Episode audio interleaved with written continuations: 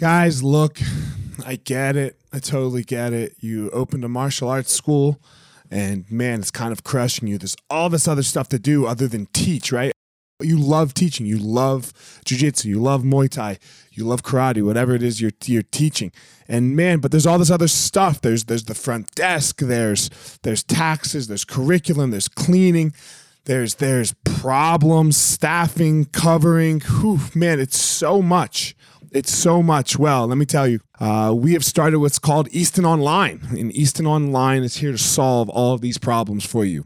Easton Online is a digital academy for martial arts school owners and managers.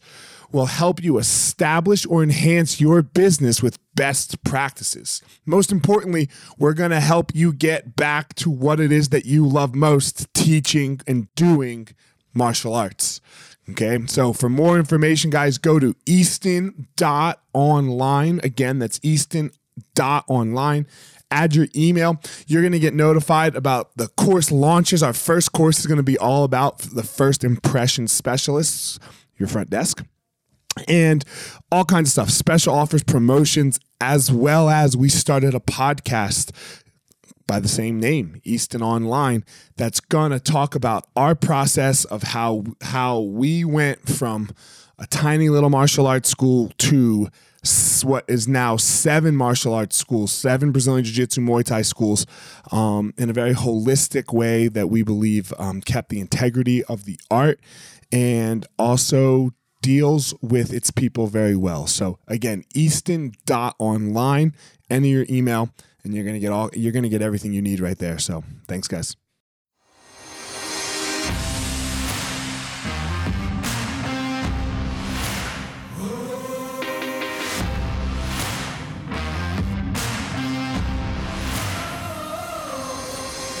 What's up, my ninjas? This is former UFC fighter Elliot Marshall, and this is the Gospel of Fire, where we are going to learn how to go into the fire so that we can find our power and live the best life possible.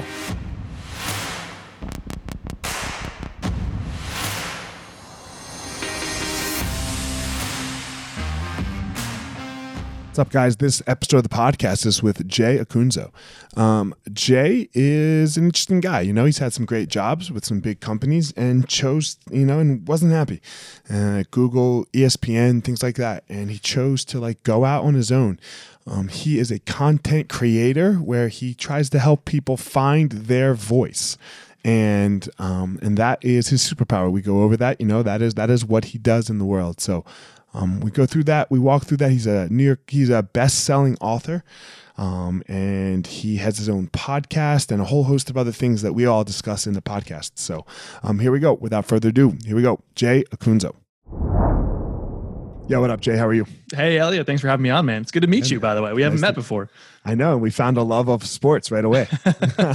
yeah, for those for those interested, I'm a depressed Knicks fan, so send me love. yeah, yeah. Especially last year when you could have had the number one pick and then had uh why am I blanking on his it's, name? Oh, it doesn't matter. It just it yeah. just could have had a good thing. ended up with a thing that we ended up Zion. with. Yeah, repeat, yeah, yeah you... repeat story forever. That's yeah, yeah. So it's good That's to be here. Knicks yeah no worries. We'll, we'll, we'll leave that. So man uh you know i was reading your bio. I find you so interesting man and i find that like uh, there, was there was one thing and i kept it up here um, and i'm trying to find it uh, which he tells the conventional thing he also where is it? Uh, every single person feels instinctively motivated by the work that they that they do and that's like what you said like your mission is. Yeah yeah. Talk yeah, to me about that. I so I, I used to work for uh, I, have worked in tech my whole career, so I'm out on my own doing my own thing now. And uh, but when I was in house, it was a blend of late stage, large tech companies, Google and HubSpot being the two recognizable ones, and then um, startups and even a VC firm. So I kind of saw tech startups and technology companies from all levels of growth, and even on the sidelines with that VC stop. Um, but I was at this one little startup and it's so funny because it just speaks to the the value of joining companies um, where the logo is not why you're there, but the work is. Because no one's ever heard of this company. They're called Daily Break Media. Um, they got bought by an agency. I think they're kind of still around.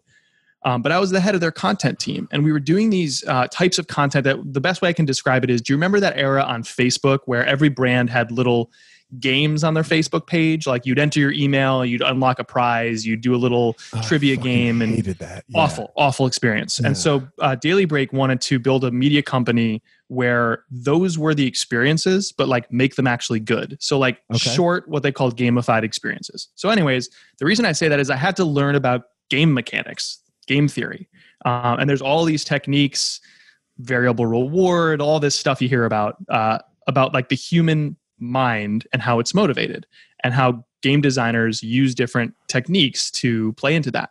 And this one word that I learned about, I just see everywhere now. And it comes back around to this mission statement of mine. The word is telic, T E L I C, telic. It means done to a definite end. In other words, a chore.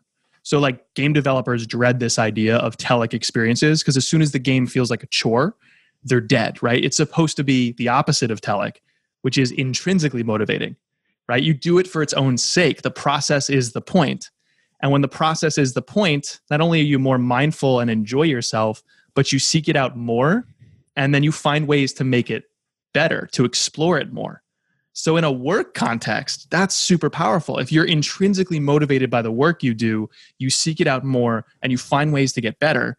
But if you're telic minded, if the work feels like a chore, you delay it, you look for shortcuts, you look to automate it, you get rid of your own kind of sensibilities and taste and craft and you know, you try your hardest to just get to the end quickly and at all costs. So I think you see telic behavior all across the business world, all across people's careers. And so my like personal mission is to help people find the intrinsic motivation in the work that they do because I think all the other stuff we talk about in the business world gets better as a result. I think I think you find telic everywhere. Yeah. It gets this whole idea of an afterlife that we're li- oh, even that right. Like you're living almost for an afterlife where it's like, okay, if you do good here, then you'll go there. That- Right, like, that- are you doing it for the reward, Or are you doing, it for the because- reward right well Right. we got we got this right now right like we have today so man where uh and and obviously in their careers i mean i think in my opinion that's where all the depression and this is where most of it lies is we, we do meaningless things in our life where Right. we i mean we could care less Yeah, and you know, I came out of marketing, where it's so it's like, why, why do I care about this stuff? It's like because I got into marketing because I'm a writer, I'm a creator. Now I'm a podcaster and a documentarian. Like I, I, I trade in experiences and crafting those experiences because they make me feel, and I want them to make other people feel too. And it just so happens that brands are like, oh, that makes for good marketing, right? Like it's better to be the object of people's attention than the thing interrupting that object, right? It's better to be the video than the ad running before the video that you just want to skip.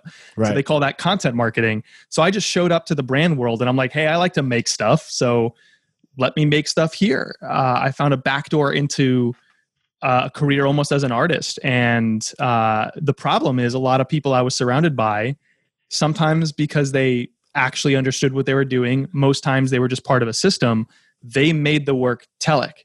You know, the job was not to publish helpful articles or an entertaining podcast the job was to generate a lead, drive a sale, like speaking to human beings or about human beings in these really coercive manners. Like they were doing marketing to people. You know what I mean? And so they made the work telic. And I was like, wait, if we just focus on writing good stuff or making awesome experiences, then the results will be the byproduct of that, right? Like the way you measure are we good at the craft or not? Are we honoring the audience or not? Is did they read did they subscribe did they buy right? But they flipped it in the business world and the marketing world which is they they made the telic objective supersede the intrinsic objective. It's so hard for people to separate that idea right? Especially like in Yeah. the business world because you need money. Like like not nobody does this for free. Like you can't you got to live you got to eat you got to do all these things right? But if money's the thing it then it, it like gets all fucked up right? It becomes very telic like you're saying you know using your word here. Um but when people become the thing then mm-hmm. it, it just it just grabs it in another way right? Like Right. where it's like okay money's a money's like a almost like a kpi right? It's almost like all right we're doing okay. We're, we're changing people's lives right that, that's it. It's you know i so right now i run an organization that helps people make great podcasts. In part that's what we do.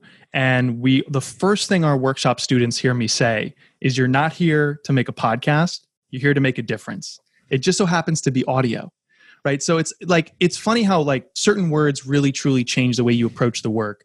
The mentality you have the way you see the world and the work and comport yourself.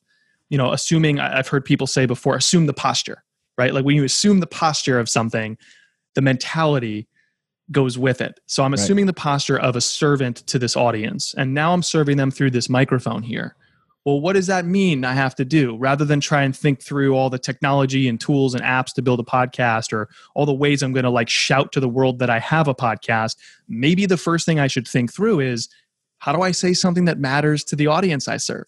Right? Like that's how you serve. And how do I measure whether or not I'm saying something that matters?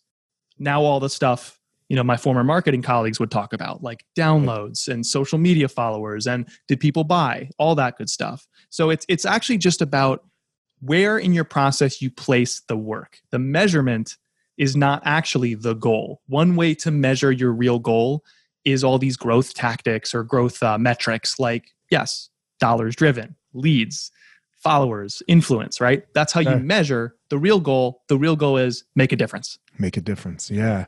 Um, man, tell me. How, we'll, we'll talk at the end and let you let me know how my podcast is. Like- like I'm a weird. I'm. I will acknowledge I'm a weird interview sometimes because I do always have this like editor's brain running at the same Mhm. time the rest of my mind is going because I'm always making shows, right? Well, so, for- yeah, I'm happy to talk at any at any point, on or off the record. Yeah, for me, I don't like to interview, so I hope I hope this becomes more of a talk together than an interview. But I Yeah, hate no, fucking fine. interviewing, man. Well, let me Like- let me let me do you a solid then. I'd ask Yeah. you, where in your own life have you seen this idea of something that's telic versus intrinsic come out, and how does that damage or or improve people's behaviors? Like, what has felt like a chore? You know, being being from um, the athletic world that you're from with MMA, like you must have encountered some people that they're so focused on some kind of end result Right. that they try to take shortcuts to get there, right?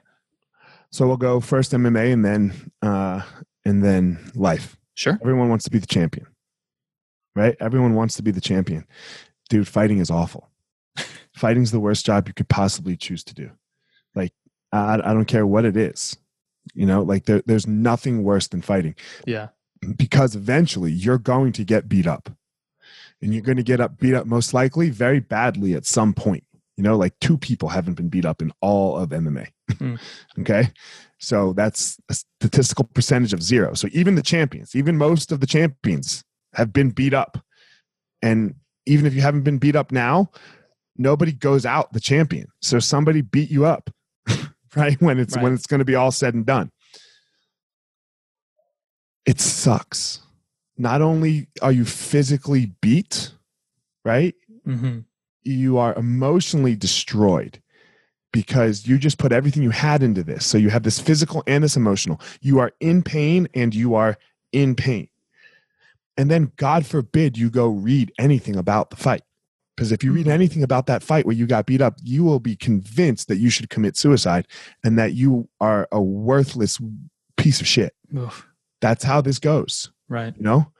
Um, So how do you find any intrinsic motivation in, in the in the it. process? You have to you love have to love the process. You have to love martial arts. Right. You have to love this idea of coming in and getting better and coming in and being more skillful and coming in and improving. You have to Right. love the grind. And if you don't love the grind, if you don't intrinsically love it to the point where look, I'm retired, I, it, I still go to train. I go to, I go to schools. It's what I do for my life. You know, everything I do surrounds it still. Right. You know, See, Elliot, I would say like you've assumed the posture. That's part of what um, Right. you know. My marketing author Seth Godin uses that word a lot, the posture. Mhm. Um, and I think you know, for me, being a writer or now a podcaster, you know, I'm making Right. make shows for a living and teach shows. I I've noticed how so many people think creativity means do something big, or like in the business word, you hear the buzzword of innovation all the time. They think innovation means invention, like concoct some big radical change compared to the norm. And I actually think if you really boil it down, creativity is just this interplay between uh, repetition and reinvention, right? And so therein you have these micro moments of like I'm putting in a rep, and then I'm thinking about how I can get a little bit better the next time. So maybe I'm reflecting on it. Maybe like I do, I go for a walk with my dog. I listen to my own podcast episode, and I look for ways to get better, like it's game tape, for an athlete, right? I'm not applauding myself. I'm trying to think about when am I bored? When do I feel like I was awkward? When did my question not really land, or did I articulate it in a way that was too cluttered for the guest to get it? Um, you know, when did I let the guest off the hook? So I think about creativity as the minutia, and I feel like when you do that, when you think of making your whatever it is your craft might be, the act of creating is practice then all of a sudden you're forced to focus on these little micro moments, these little ideas, not this giant end result, right? This telic thing. Because when that is all you're focused on, you do start to look for shortcuts because you do feel beat up emotionally or in some cases physically, right? You're like, get me away from the process, get me to the end result through whatever means necessary. That really does incentivize um, either people not starting because they see what the process entails. And that's a shame because you're going to die someday. Uh, so start now. Or on the flip side, people trying to skirt the process, right? They're like, well, what does the algorithm of Twitter say works on Twitter? I will pull a random stunt to get more followers or whatever. That I find myself, I hate Twitter. I don't do it on Twitter, but I, do, I definitely do it on Instagram. I'm like, all right, what do I got to do? And, and, and then it's depressing. Right. Like you just got to put your shit out there, right? Yeah. So like one of the things that we do with internally as a team, and my team reminds me of this too, and I'm trying to get better at it, is so we're talking right now about um, our podcast. So the, the initial conversation is how do we grow our podcast? We have a show called Three Clips, which dissects great podcasts a few pieces at a time. It's this fun behind the scenes of other people's podcasts, often with them, the host of the other show, okay. coming along. All right, so that's the premise. So now we're talking about how do we grow it? And we can come up with all these ideas for how we actually grow that show and all these techniques and tactics. We could research it out on the, the internet. Endless advice exists for how to grow a podcast. A better question is what is the audience struggling with that we can help with? Like, should we go deeper into the craft of interviews? All right, well, let's find the biggest name interviewers we can. By the way, one sign we're exploring interviews as a skill is going well is those episodes will grow, right? Or who else can we partner with that we think is a, uh, a great thinker in the creative world or the marketing world, the brand world, and have them on the show um, to address something we, we have yet to address. And all of this work is about flipping the end result on its head and saying, well, the sign that we're doing the the the show well is it'll grow. So how do we do the show better, right? So like that, it's very subtle, like you said, it's a nuance. But I think once you once you make it a habit of always trying to change the conversation with your peers or yourself, of right. like, okay, my goal is is some kind of metric here. Actually, no, no, no, no. What is the real goal? The metric's how I measure it.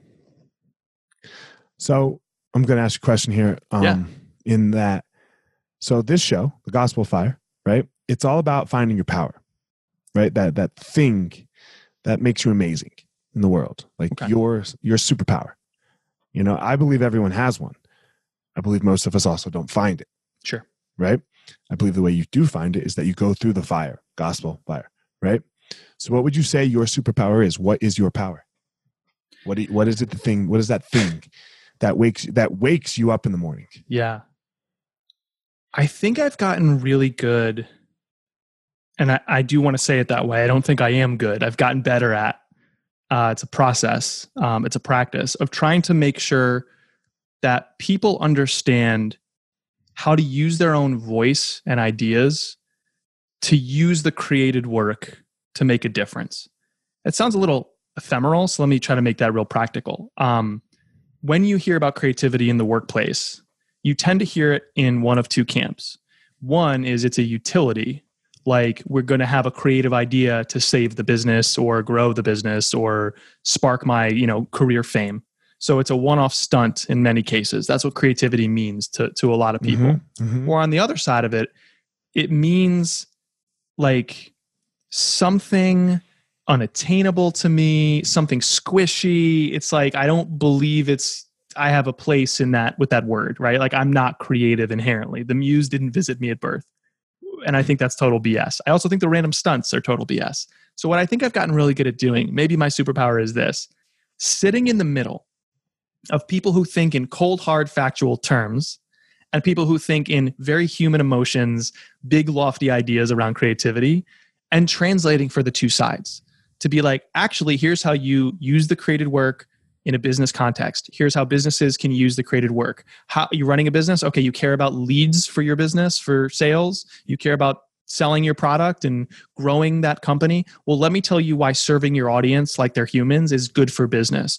Oh, you're just an artist, or you think you're just an artist, you could never be interested in business. Well, let me talk to you about how to use the natural gifts you've been given to translate your artistic nature or your creative nature into good business because we want to support the creation of your craft, right? So I like this idea of being this like translator or communicator or I don't know, like x-ray technician that tries to like debunk some of the big myths on both sides and be like creativity and business go together really really well. Like businesses are high leverage vehicles to get high impact ideas out into the world and you can use your business for good. You can use the created work for good. But the only way that happens is if we stop this false idea that you can be a creative artist or you can be the cold hard fact driven business mind you can't be both i think that's doing a lot of damage to some people that are really well intentioned. Um, so I like being that translator in the middle. How'd you find your power? I I think like how'd just you come like how'd you come to it? Like so there had to be a process yeah. for you where like okay you're 18 years old right and uh, did you go to college? I did, yeah. Trinity College, tiny little okay. college in Hartford, Connecticut. I wanted to be a sports writer. Okay. Um, I won a, a, scholarship there to be a sports writer, and so okay. I was interning at publications, small papers, big papers, did a, a, an internship at ESPN and saw the business side of media and got enamored in that.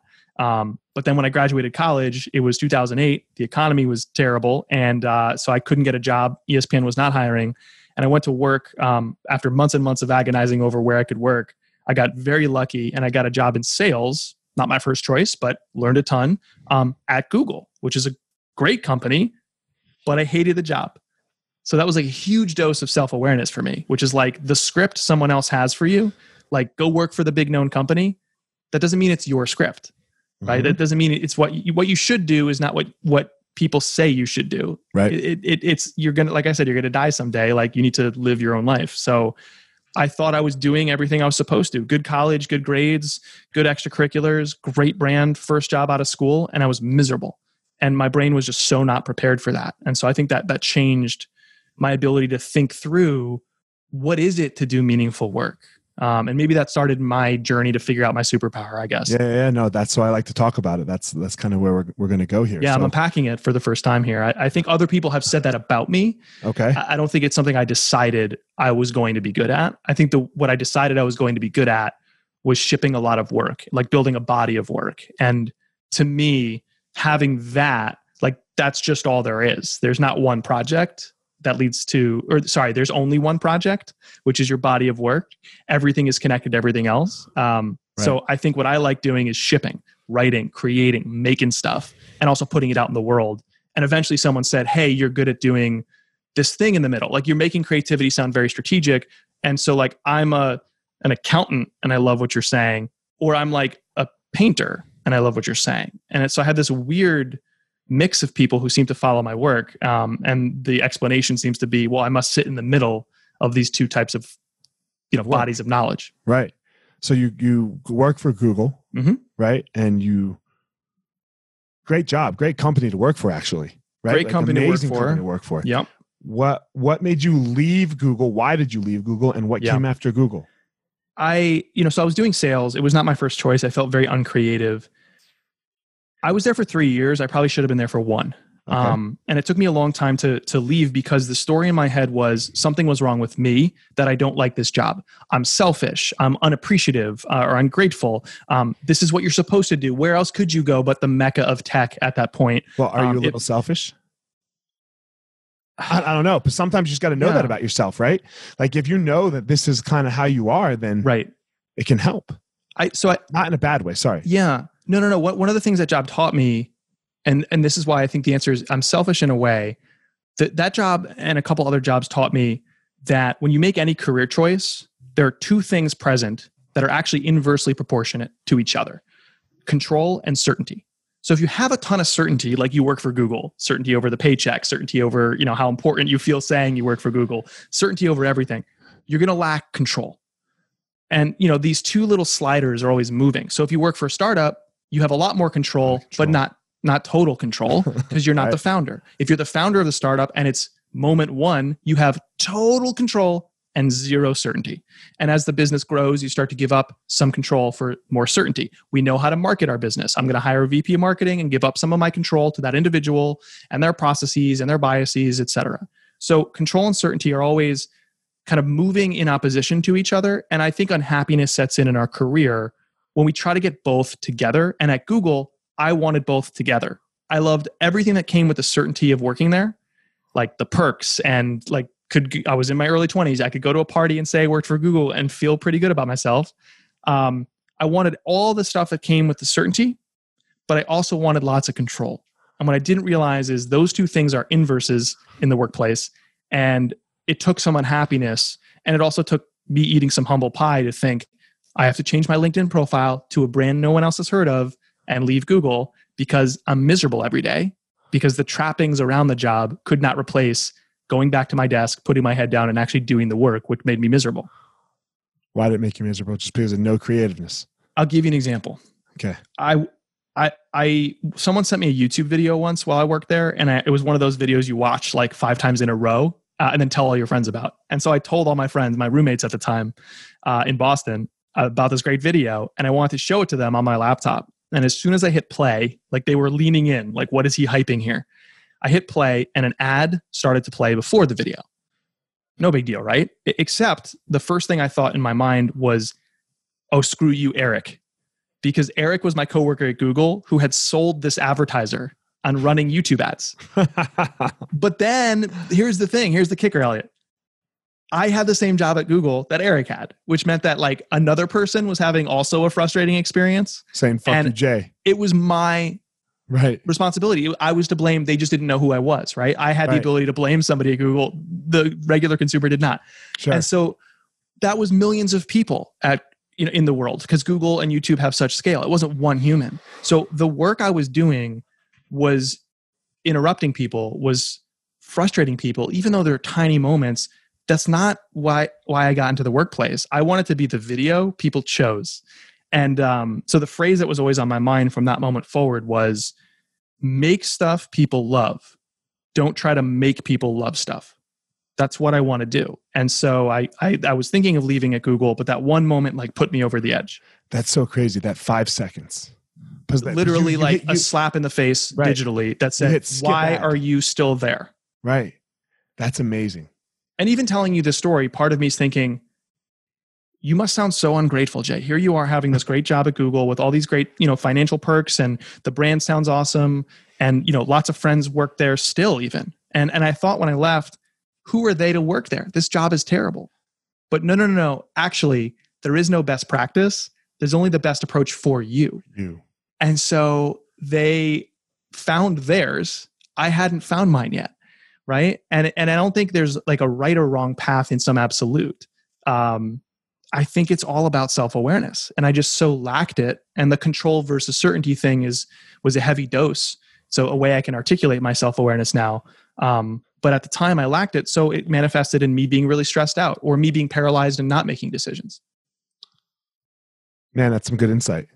you know, just on, on yourself of what of what what it was that made you go, ah, I got to move away from this. it's hard won and it's also reflective. It happens in the the rear view mirror. And so like trying lots of stuff and being comfortable with the fact that you're going to make lots of changes especially early, I think is it's like one of those things that you're never told, especially in school if you take the traditional path like I did through college, it's always positioned to you as the career path, right? Like here's this prepackaged thing for you that you're supposed to choose when you're young and stick to for decades on end, and that's just so not the narrative of most people's lives. And then just the idea of failure. I hate failure.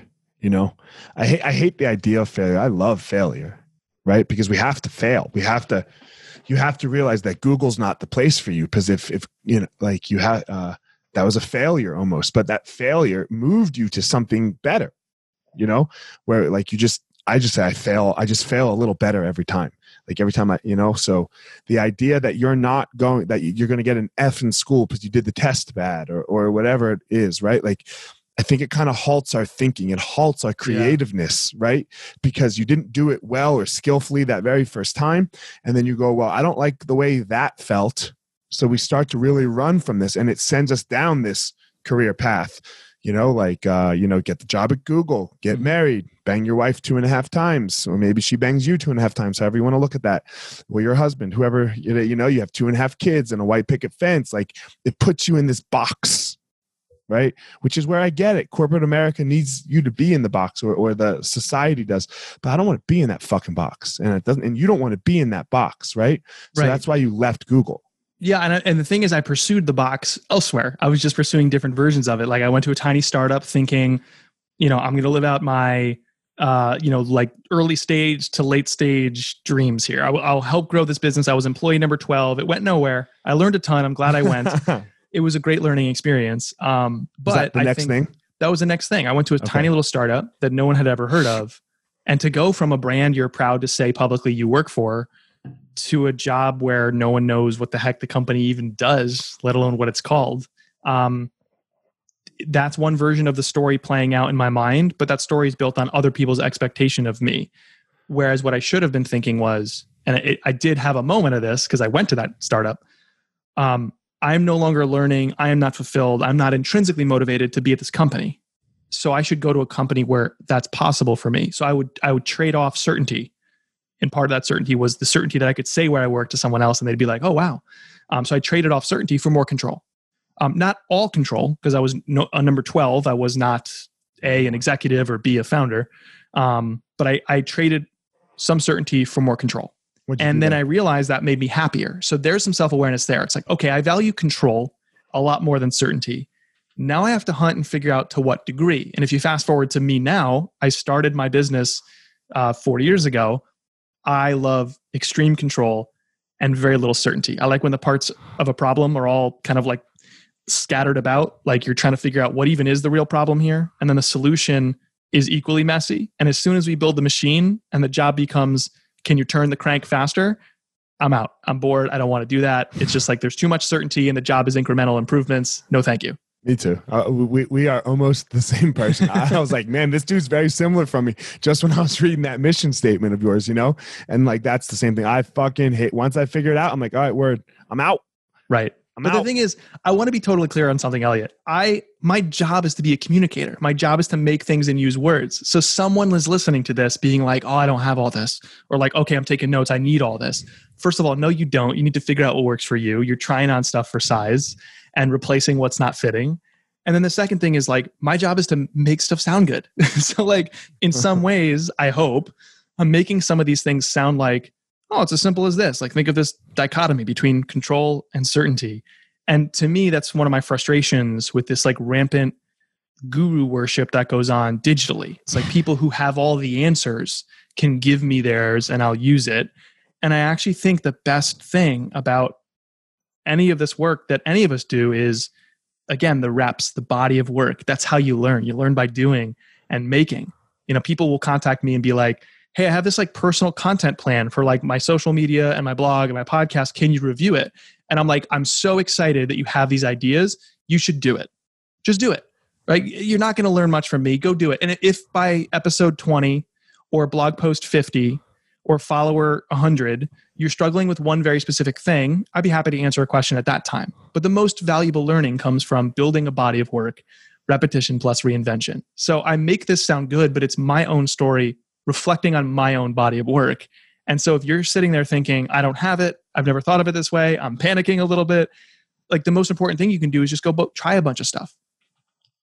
One thing. Just, Pick one thing and do it for a little thing. while. Yeah, just do one thing. Not don't don't try to do everything. Just do one thing. One small little thing incrementally over time and then stop if it's not for you, right? But like uh, as a writer, this is easy. Um, I tell people writing is an act of self discovery and understanding. You're writing to understand, you're not writing to share what you already understand. So writer's block should be a non issue because you're just, you should always be blocked in some way. And the writing process is you trying to figure something out Figure that out. but it's when we make it telic when we say this post has to be brilliant right? I want the result. This post has to be critically acclaimed. This has to be published in some fancy magazine. This has to generate a lot of views or subscribers. When we make it a chore even if it doesn't feel like a chore to us that's what we're doing now we become crippled. Now writer's block becomes a thing. So that's one that's a very specific way that that idea manifests but you can flip it write to understand create to understand. You're trying stuff constantly building a body of work. That's the only project, and then you die. So like by not starting, you're just delaying the inevitable improvement process. So you might as well start now. and just and sometimes the worst thing is that early success. Yeah. Right. You, oh, you get, 100%. uh, right. And then all of a sudden you're trying you're trying to get an Instagram post that has 500 likes. Like your first one, boom, open account, Instagram post, boom, 500 likes. And now it's like, oh my God, I got to do that again. Well, social media in and of itself, it's like a digital slot machine. Uh-huh. Tech journalist Kara Swisher calls it that. Um, it's definitely not the objective we should have, right? But let's let's take it back to uh, you know like something I'm dealing with. I spent two and a half years uh, building a podcast called Unthinkable. Very highly produced episodes, narrative style. You know, like my voiceover plus people's quotes, music, sound design. I went all in, did it all myself with a couple helpers here and there. And two and a half years later, I wrote a book based on the material of the show. It- it's not my story. It's like I explored this idea that there is no best practice, there's only the best approach for you. How do you make that leap? How do you figure that out? Um, and so two and a half years went by. I had no plan. All of a sudden, I make this project out of it, this book as a culminating thing. And now, right now, as you speak to me, unthinkable is a thorn in my side because I'm trying to think through what big concept do I explore next? What book do I write out of the next X number of episodes? I'm trying to, I've made it telic because I want to repeat what happened. Whereas I think if I really wanted to make more episodes, what I should do is say, what stories are interesting or what problems are bugging me that I'd like to understand some solutions for? Let me go hack away at that jungle for a while. Instead of trying to be like, how do I fly over this jungle and reach the mountain peak again? Be like, I think I see a distant mountain peak, but really the work is hacking through the jungle. Let me just go and see where this takes me. Because that's what happened the first time. But now that I'm trying to manufacture it, I feel paralyzed. Right. So this never goes away. You don't it always has to, to, reset. Right. Yeah. Yeah. And so you just need to go again. Right. It's just about now. Now I have to focus on all of my own advice, right, Right. that I'm saying to you right now, and make it apparent to me, to myself. Man, uh, uh, so in, at my martial arts schools, we uh, after class the instructor like talks, right? Whether Mhm. it's either something about like uh, you know what happened in the class or like something motivational, right? And um, for some of the newer instructors, we have them like written out where you can just like follow it, right? And I've been teaching for twenty fucking years, so I get to like and a lot of times like i have to remind like and it, it takes me back to what you said a second ago about like the whole guru thing you know um i i have to remind like the students because i am i am the i am you know the the top dog right of like yo i'm not even talking to you right now i'm just talking to me right like i i'm trying to remind myself yeah. to do all of this stuff that I that is coming out of my mouth, like uh, of what we have to do to like you know live a- live a live a happy life. You know, You Oh. you just hit on something that I learned um, a little bit too late with our workshops for Okay. podcasters. But like trying to teach people was a new muscle for me. Like for Okay. years, I was making things for others, teaching them remotely. But now with a workshop online, it's active Zoom calls, discussion boards, prescribing exercises, all that stuff. How do you create a system? Well, like in the information age, knowledge is a commodity. You can access the best thinkers, how to tips and tricks till you're blue in the face.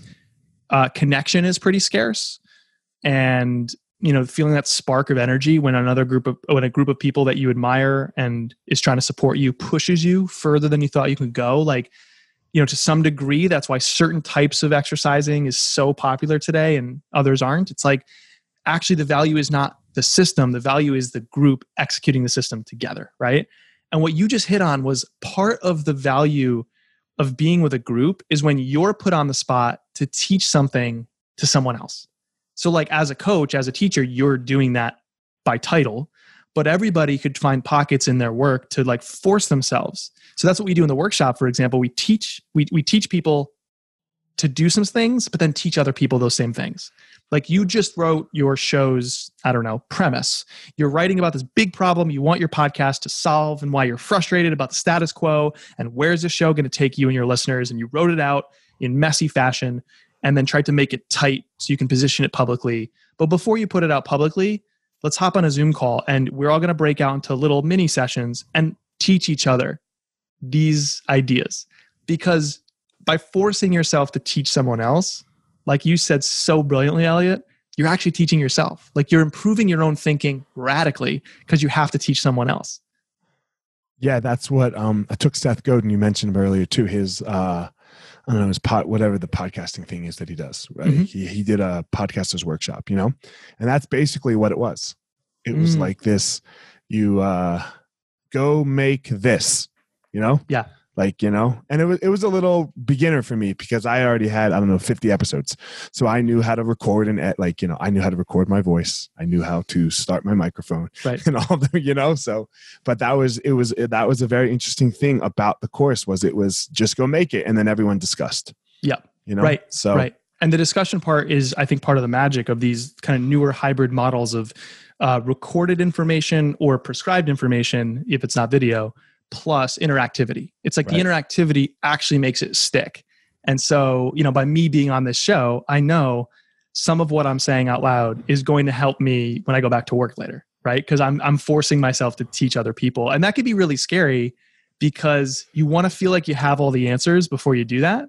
But actually, if you just always assume the role, again, back to the word posture, of being an investigator instead of an expert, now you're in the business of asking questions and proposing theories, not being like, well, I have it all figured out. Here's my answer.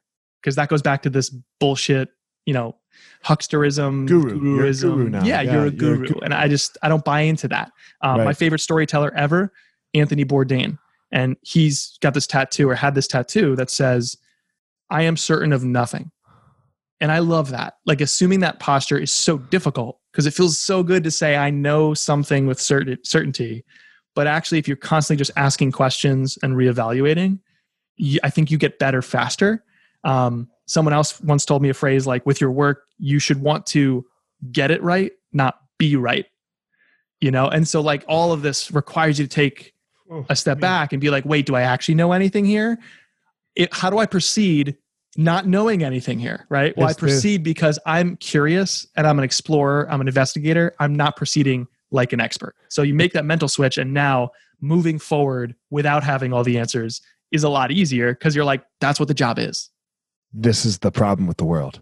I mean, like this this current state, like what what you just described right there. Like we are sitting in fucking coronavirus, and everyone thinks they have the answers, and yep. no one does. We just don't know yet it's pretty simple, right? Like it, this is just how I see it. Like we, it's such a young thing, and like everyone's like, "Oh no, this! Oh no, that!" And then the second someone's wrong, it's like, "See, I told you," and we just like destroy each other for it. And I just, uh, man, just can we have some compassion?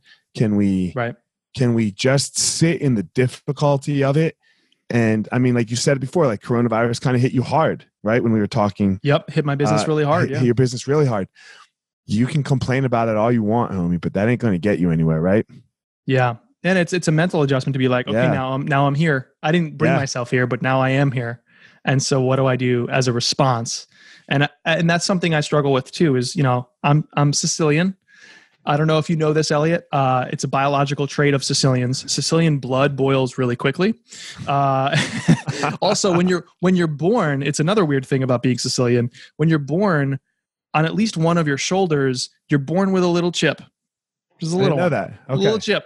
Just all a little right. chip on your shoulder at all times. And so because of that, I my my tendency is to react, not respond. Right. And you know, if I have the muscle memory built up, reacting is okay.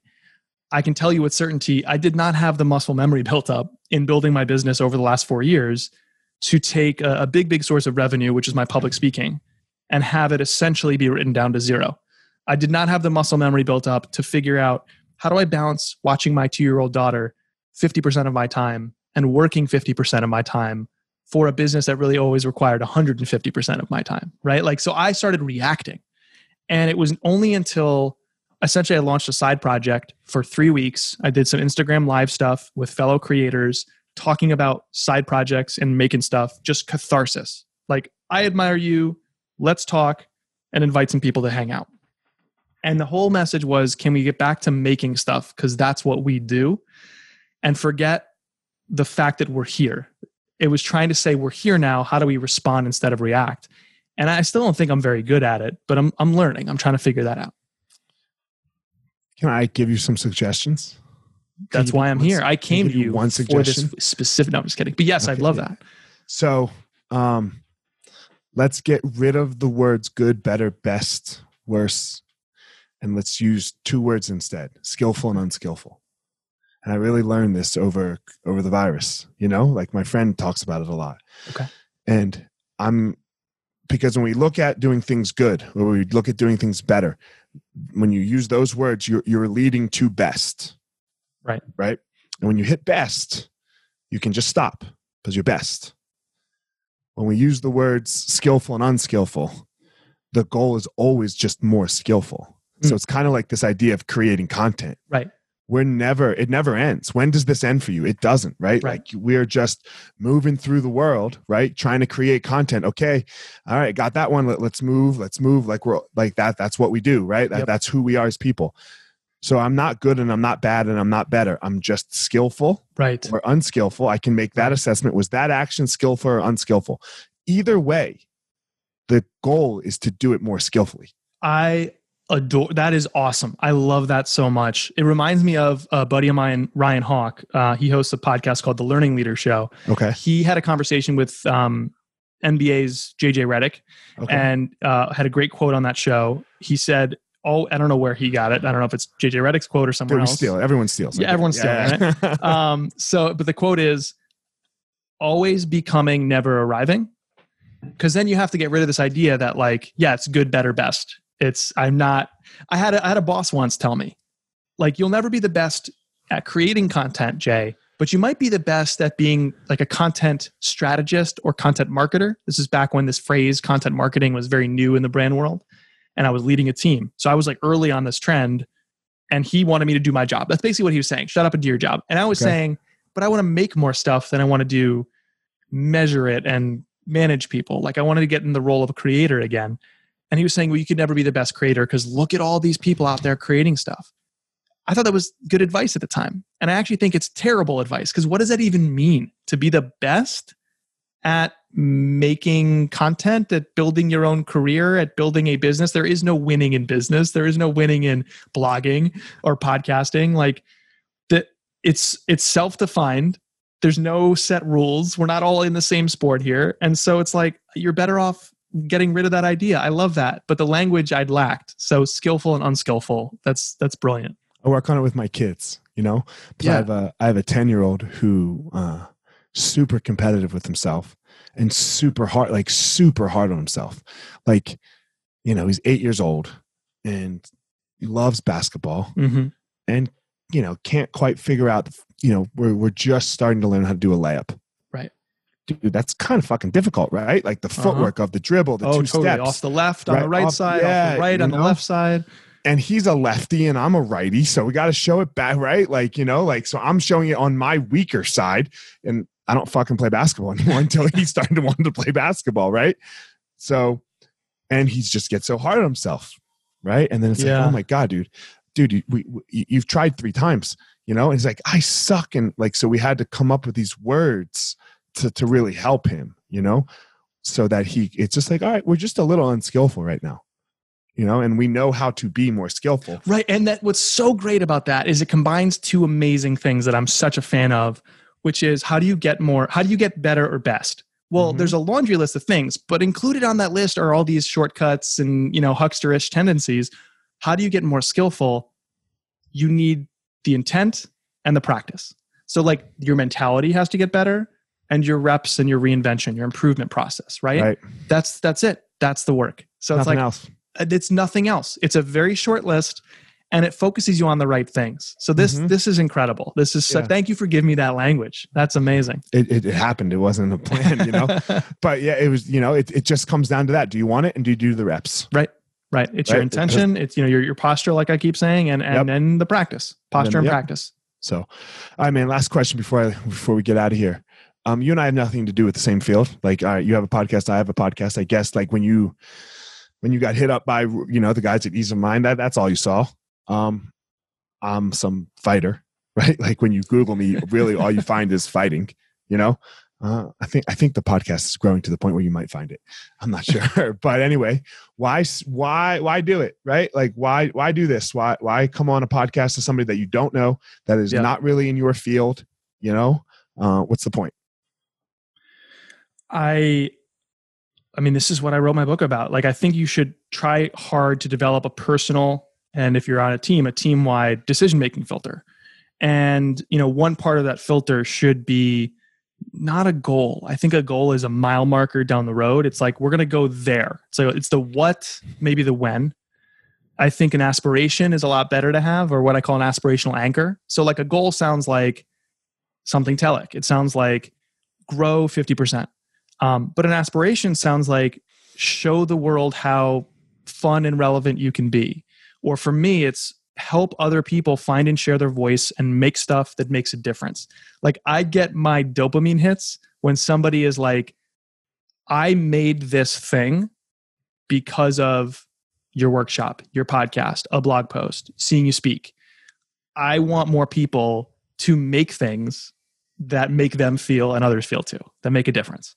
And so I can't do that if every single time I appear publicly, it's to my own tribe. It's to you know marketing and entrepreneur entrepreneurship based uh, shows newsletters blogs etc i want to have impact. I want to help people. So back to a question you asked me i never really answered it. Am i selfish?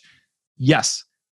I hope that my selfish aim is in some way selfless if that makes sense. It's kind of like a mental gymnast move you need to pull on mm-hmm. yourself. Mm-hmm. it's like i think my aspiration is to help other people and when this opportunity came along, I saw a way to get outside of my own bubble, to meet somebody interesting who can challenge me and see if I could hang, um, and to share some ideas to you know a niche or to a tribe that I don't normally speak to.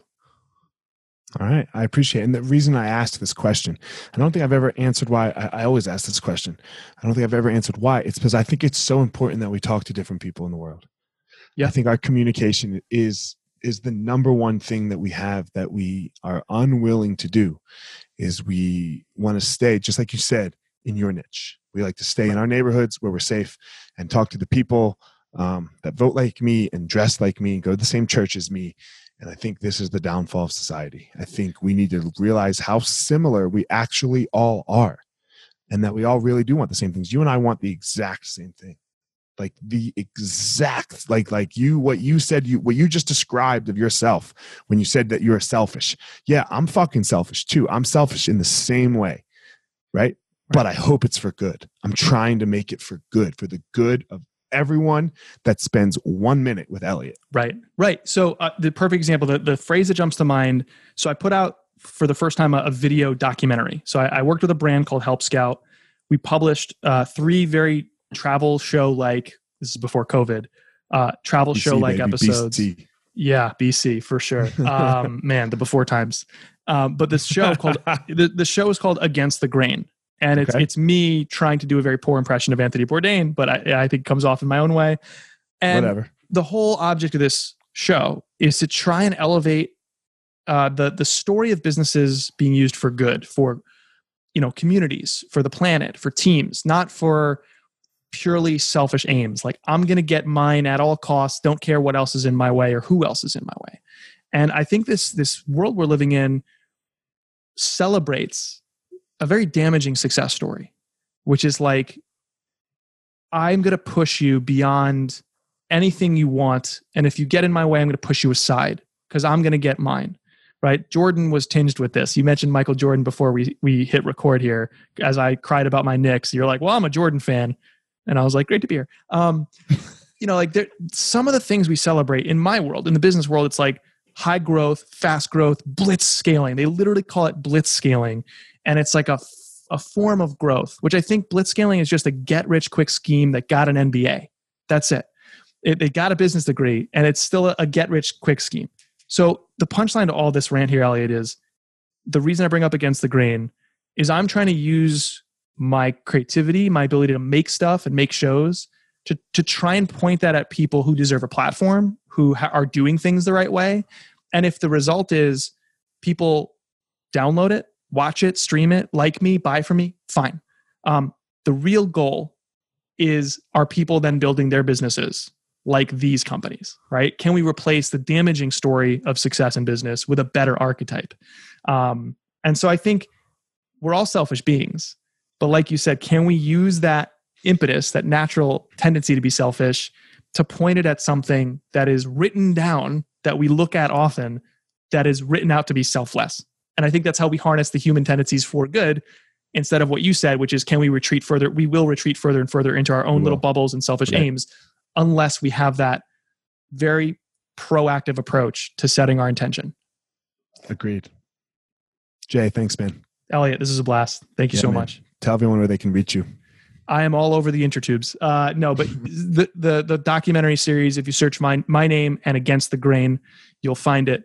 Um, and my business is marketing showrunners. We teach other people how to use their voices and make shows that make a difference. Guys, as always, Jay obviously has his unique power. Um, I have my unique power. Don't try to go out there and be Jay. Don't try to go out there and be Elliot. There's something inside you where you have your unique power. You go out there, you find your power, and you be amazing in the world. All right, everyone, thanks for listening to this episode of The Gospel of Fire. If you enjoyed the episode, I'd love a review on iTunes or wherever you are listening to this podcast. Don't forget to follow me on social media at FireMarshal205. If you are a BJJ enthusiast, check out my YouTube channel. I put all kinds of instructional DVD uh, videos out on there, so go check it out. My book is still out on Amazon by the same name as the podcast, The Gospel of Fire. So if you are interested, go check out that. And most importantly, guys, go out there every day, find your power. Thanks a lot.